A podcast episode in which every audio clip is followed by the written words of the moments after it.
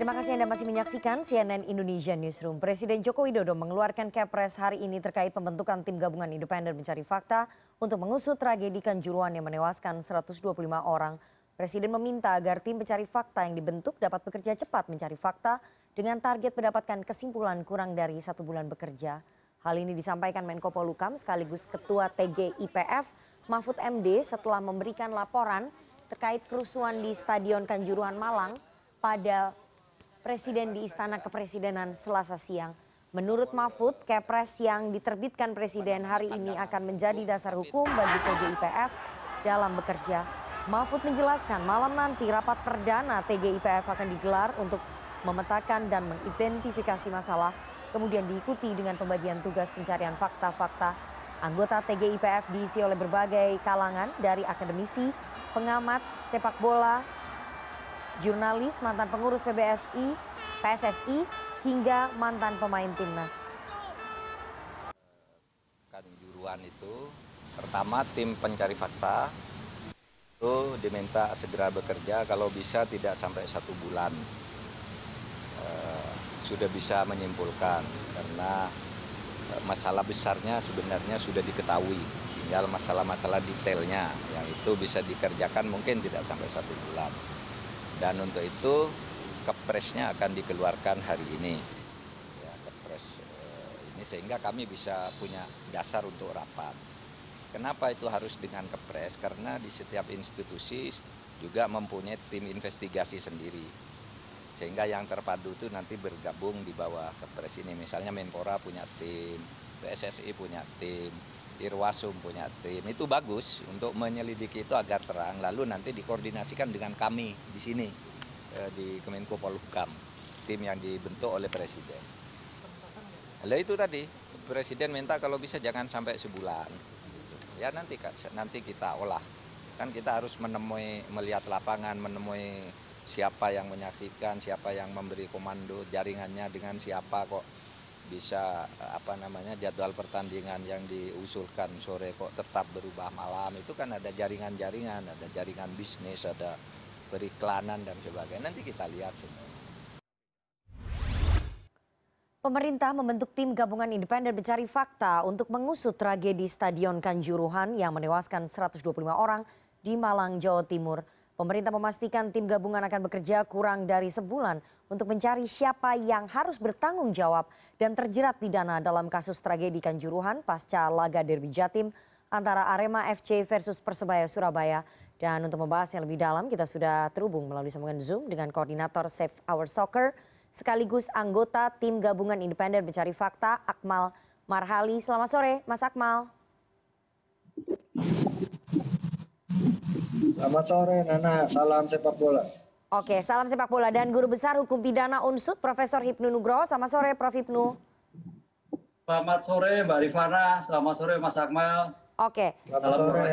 Karena ini tim gabungan independen pencari fakta sudah dibentuk, artinya pemerintah uh, menargetkan ataupun menegaskan bahwa uh, harus ada pihak yang bertanggung jawab dan harus ada pihak yang kemudian terjerat pidana. Saya mau tanya ke Mas Akmal. Mas Akmal, tim gabungan independen pencari fakta ini uh, apakah tim ini kemudian mampu mencari pihak yang bertanggung jawab, pihak yang uh, harus uh, terjerat pidana atas tragedi Kanjuruhan dalam waktu kurang dari sebulan, Mas Akmal?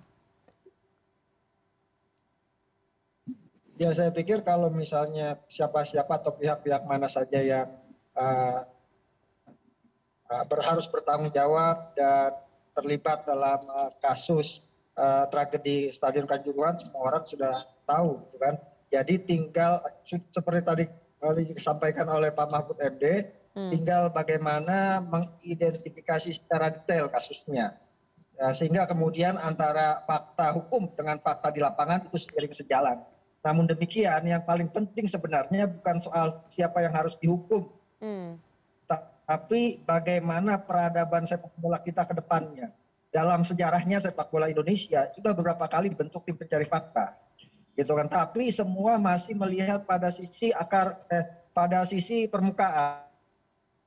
Sehingga kemudian akar masalahnya tidak pernah di, dibereskan. Hmm. akhirnya kita selalu mengalami kejadian kejadian berulang termasuk soal korban nyawa manusia di sepak bola.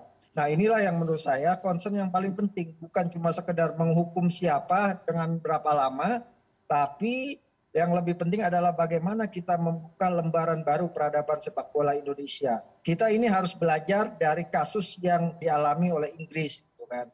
Inggris uh, sempat uh, dihukum oleh uh, UEFA, Federasi Sepak Bola Eropa, di mana uh, kasus tragedi Hazel yang melibatkan uh, yang Ya, ya. menewaskan 36 orang uh, di final Liverpool melawan uh, Juventus itu kemudian Inggris dihukum klub-klubnya tidak boleh lima tahun secara berturut-turut tampil di uh, kompetisi Eropa. Nah, lalu pada 1989 terjadi lagi namanya tragedi Oke, Hillsborough oke. Kalau itu kita udah tahu nih Mas semifinal Akmal. Piala FA di mana uh, uh, jatuh korban 96 dan kemudian uh, mereka membuat uh, pemerintah pemerintah Inggris dan juga Federasi Sepak Bola Inggris FA Inggris langsung membuat konsensus baru dengan mengeluarkan Football Spectator Act Oke, oke. regulasi terkait keamanan dan keselamatan stadion bisa diverifikasi dan boleh diizinkan untuk menggelar pertandingan untuk menjaga keselamatan setiap penonton yang datang. Nah Baik. ini harus dijadikan contoh buat penyelesaian kasus sepak bola kita saat Oke.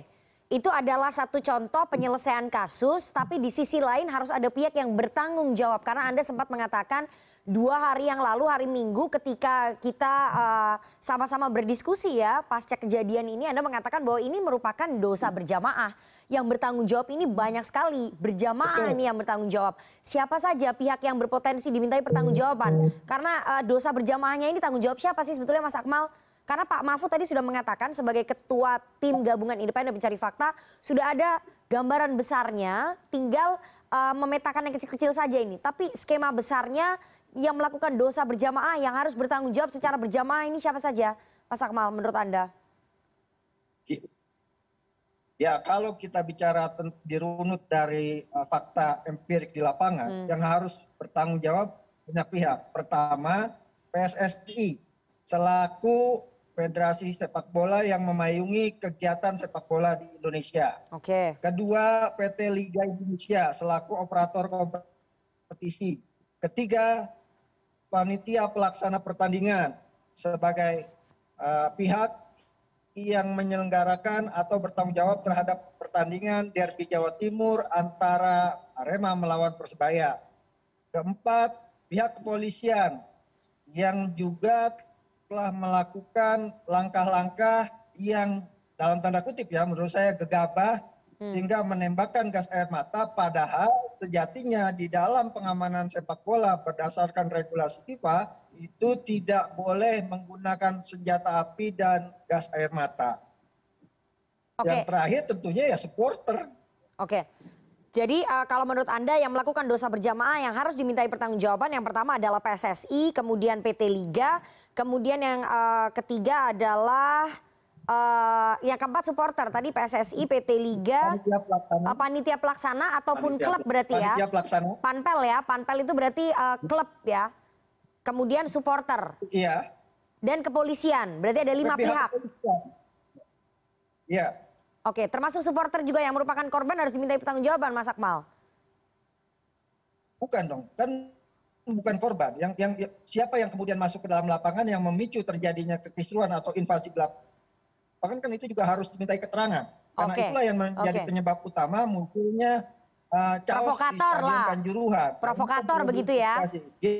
Ya, provokatornya yang kemudian Iya. memicu semua supporter turun ke lapangan dan membuat keributan begitu ya. Jadi sekali lagi yang pertama adalah PSSI, PT Liga, kemudian eh, panitia pelaksana dan juga kepolisian supporter untuk dimintai keterangan. Saya mau ke Prof Hipnu. Prof Hipnu, menurut Anda Ya. pihak-pihak tadi yang melakukan dosa berjamaah keempat pihak apakah kemudian bisa dijerat pidana dalam kasus tragedi Stadion Kanjuruhan ini atau semua tanggung jawab pidananya ini diambil eh, diserahkan saja ataupun ditimpakan saja kepada aparat kepolisian yang melakukan ataupun menembakkan gas air mata kepada supporter? Atau keempat-empat pihak ini bisa Ya, dijerat pidana? ya, terima kasih. Ya, terima kasih Mbak Rifana.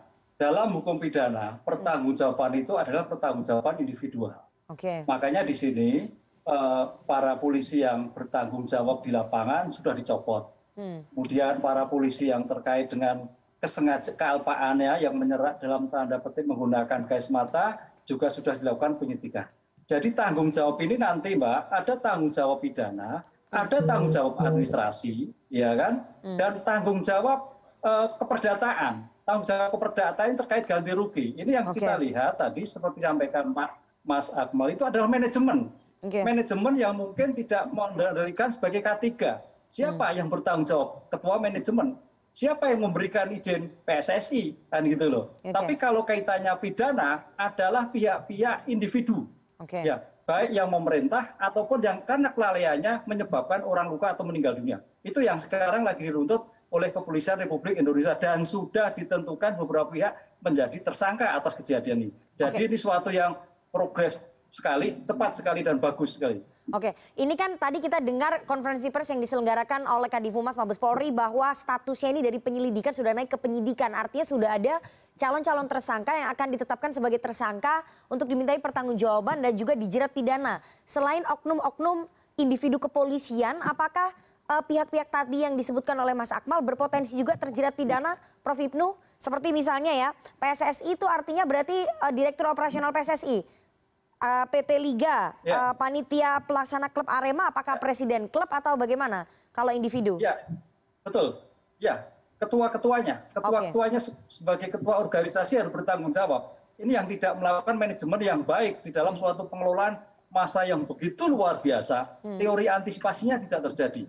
Karena dalam hukum pidana itu ada juga is- istilah teori kausalitas, penyebab. Penyebabnya ada apa? Karena ricoh. Ricoh apa? Karena gas air mata. Ini Mbak, ini yang saya kira harus diantisipasi sesuai dengan perkembangan sekarang adalah eh, K3, keselamatan dan kesehatan. Nah, itu itu rupanya yang tidak sama sekali dilakukan kaitannya dengan pintu, kaitannya dengan jumlah apa peserta, jumlah pengunjung yang tadinya 38 menjadi 42, kemudian pintu yang kemudian tidak sepadan dengan jumlah. Ini suatu yang tidak ada antisipasi sama sekali sehingga tanggung jawab keperdataan kaitannya ganti rugi saya kira harus dituntut keras ini apalagi terhadap korban 120 orang meninggal belum yang luka itu Oke, loh Mbak. oke. Ini tanggung jawab terkait dengan keperdataan. Iya. Selain tanggung jawab pidana, berarti ada tanggung jawab keperdataan ya yang harus dituntaskan. Saya mau kembali lagi ke Mas Akmal. Mas Akmal, selain tadi mencari pihak yang bertanggung jawab ataupun dijerat secara pidana, eh, akar masalahnya yang perlu diinvestigasi ini dimulai dari mana menurut Anda? Sebagai eh, koordinator Save Our Soccer, sebagai pecinta sepak bola, Mas Akmal? Ya, yang harus eh, dirunut adalah yang pertama adalah kronologi atau problem-problem yang terjadi. Ini masalah akut sepak bola kita saat ini bahwa dalam dua dekade terakhir sepak bola kita masalahnya sebenarnya sama semuanya. Cuma penanganannya yang tidak pernah tuntas. Soal supporter, ke depan harus ada pembinaan supporter selain tadi bicara hukum. Nah, bicara hukum di dalam konteks sepak bola itu ada dua Nana. Yang pertama hukum dalam kaitannya football family ini Oke. kaitannya dengan uh, keluarga sepak bola hanya bisa dijatuhkan oleh komite disiplin PSSI. Kemudian yang tadi yang kedua adalah hukum dalam kaitannya uh, kemasyarakatan atau hukum positif, hukum pidana yang tadi disampaikan oleh uh, Mas Hipnu. Uh, ini juga harus dijatuhkan. Sebelum-sebelumnya kasus-kasus meninggalnya supporter sepak bola tidak pernah menyentuh hukum pidana. Padahal seperti tadi dikatakan pasal 350 359 itu jelas menyebabkan kelalaian dan menyebabkan kematian akan ada hukuman pidana minimal eh, maksimal kurungan lima tahun misalnya. Nah, sisi ini harus diangkat. Nah, selain sisi-sisi hukum baik hukum positif maupun les spesialis hukum olahraga, hukum sepak bola dalam hal ini juga harus ada pembenahan secara menyeluruh aspek-aspek terkait pertandingan, entah itu regulasi kompetisinya, entah itu regulasi pengamanan lapangannya, entah juga termasuk pembinaan supporternya. Oke. Jadi semua aspek harus dibenahi. Karena kalau tidak dibenahi, maka akan kembali terulang, terulang, dan terulang. Faktanya demikian. Karena itu, saya menyarankan bahwa untuk sementara sepak bola kita di moratorium terlebih dahulu Oke. agar seluruh stakeholder berintrospeksi dan melakukan evaluasi secara utuh menyeluruh sampai kemudian disepakati komitmen bersama tidak ada lagi korban nyawa di sepak bola maka ketika itu moratorium sepak bola dicabut. Oke, baik. Uh, banyak hal yang harus dibenahi, banyak hal yang harus dicari akar masalahnya dan kemudian diperbaiki. Tadi Mas Akmal sudah memberikan pandangan-pandangan yang mungkin nanti bisa dibawa ke dalam forum TGIPF. Tapi saya ingin kembali ke jerat pidana pasal apa yang bisa digunakan untuk menjerat para pelaku. Tapi kita harus jeda terlebih dahulu. Jangan ke mana-mana, tetap bersama kami di CNN Indonesia Newsroom.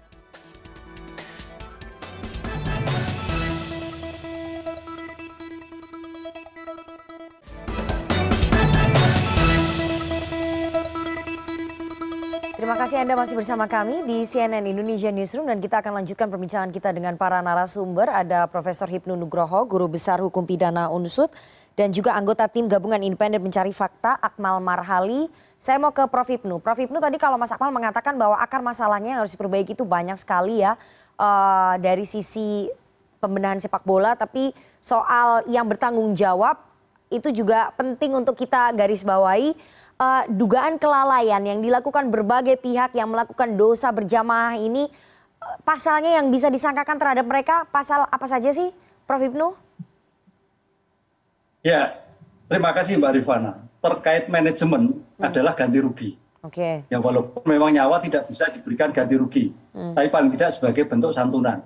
Kemudian terkait pihak-pihak oknum polisi dibawa ke ranah peradilan umum dan yang menarik kemarin adalah oknum tni nah tni dibawa ke ranah peradilan militer karena adalah menggunakan kekuatan dalam arti suatu yang luar biasa di luar tupoksinya sehingga sampai panglima aja sampai memberikan apa apa namanya eh, sangat prihatin sekali lah dalam hal inilah maka eh, oknum-oknum polisi paling tidak dibawa ke etik satu hmm, dibawa hmm. ke ranah kepolisian karena ancaman yang bisa dilakukan tadi sama Mas Akmal adalah 359 karena kealpaannya, okay. karena kekurang hati-hatiannya menyebabkan matinya orang.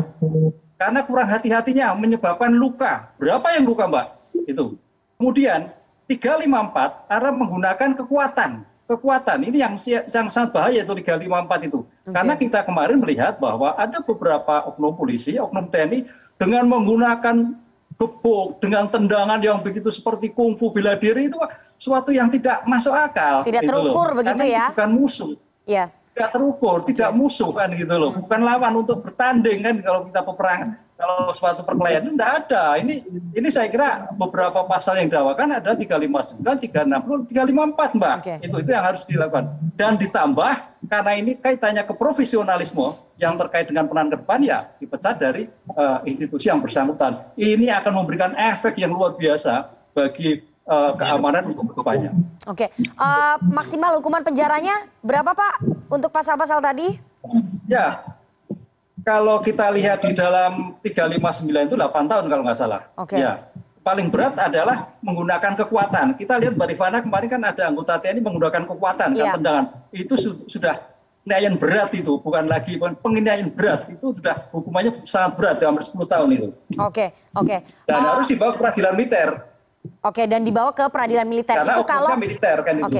Itu kalau misalnya yang diproses ataupun dijerat adalah aparat kepolisian dan juga aparat TNI tapi dugaan kelalaian ataupun ya. kealpaan ini selain kepolisian, uh, Mas Akmal juga mengarah ke PSSI dan juga PT Liga. Itu sebabnya mereka tidak dimasukkan dalam TGIPF, Mas Akmal? Ya, maksudnya tidak dimasukkan bagaimana? Kan dalam susunan uh, TGIPF itu tidak ada unsur dari PT Liga dan juga uh, PSSI ya karena mungkin pemerintah berpikir ini komite independen gitu kan. Hmm. untuk menjaga kemungkinan terjadinya konflik of interest maka pihak-pihak yang terkait dengan kasus kanjuruhan tidak dilibatkan dalam tim pencarian fakta gitu. Takutnya apa namanya nanti ada konflik of interest di sana. Tapi kan tadi disampaikan oleh ketua tim tgpf pak mahfud md bahwa masing masing pihak boleh membuat tim pencari fakta sendiri dan hmm. itu sudah dilakukan. Misalnya misalnya pihak kepolisian bikin tim pencari fakta gitu kan. Uh, kemudian PSSI juga membuat tim pencari fakta sendiri untuk masalah-masalah mereka. Semakin banyak yang menjadi tim pencari fakta nanti akan juga memudahkan TGPF ini untuk apa namanya me mengumpulkan data-data yang lebih komprehensif Eh, dari berbagai sudut pandang dan sangat bagus sekali untuk membantu untuk kemudian diambil kesimpulan dari apa yang dilakukan oleh masing masing tim pencari fakta dari pihak pihak terkait Oke baik, terakhir Mas Akmal, apakah dengan pembentukan TGIPF ini mampu menyelamatkan nasib sepak bola tanah air atau masih banyak sekali pekerjaan rumahnya?